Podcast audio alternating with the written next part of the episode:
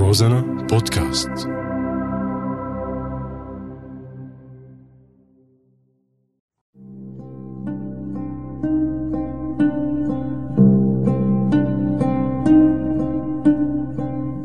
على بالي. بنشوفك ببيروت. تذكرت الجملة؟ هالجملة المشهورة لبرنامج غنائي. صارت واقع سوري.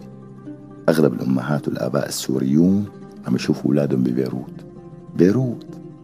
بيروت المحافظة السورية بعهد الأب. صارت شباك الزيارة لسجن دمشق بعهد الابن. أنا زعلان لكن مالي زعلان ولا فرحان بس متفاجئ كيف إرهابي طلع من البلد وما عاد يحسن يدوسها في يشوف أهله ببيروت يلي حزب الله مسيطر على كل شاردة وواردة بقلبها معك حق المصاري بتخلي الإرهابي مناضل وممانع ومقاوم.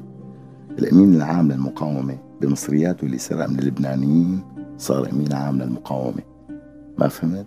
أنا بفهمك. لما حرامي يصير أمين عام فاعلم أنك بآخر الزمان. لما رامي مخلوف مدير مكتب بشار الأسد بصير فوق الريح فاعلم أن بشار راكب بساط الريح ومدد الرجلين وبساط الريح ماسوني الهوى صهيوني الملكية. ما بيركبوا غير غدار ومجرم. الركبة هون بتدقرون للسما وحقد للسما وغدر ما حدود. وبيع بيع كل شيء تحت الطاولة وفوق الطاولة وعلى عينك يا تاجر. ما بتفرق. اللي بيعمل هيك عمايل الكيماوي من طرف جيبته الصغيرة ومنشوفك ببيروت. هيك قال الأب لأبوه.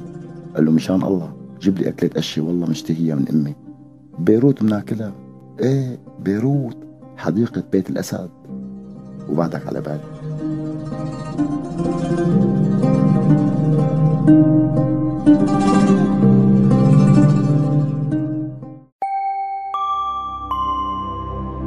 روزانا بودكاست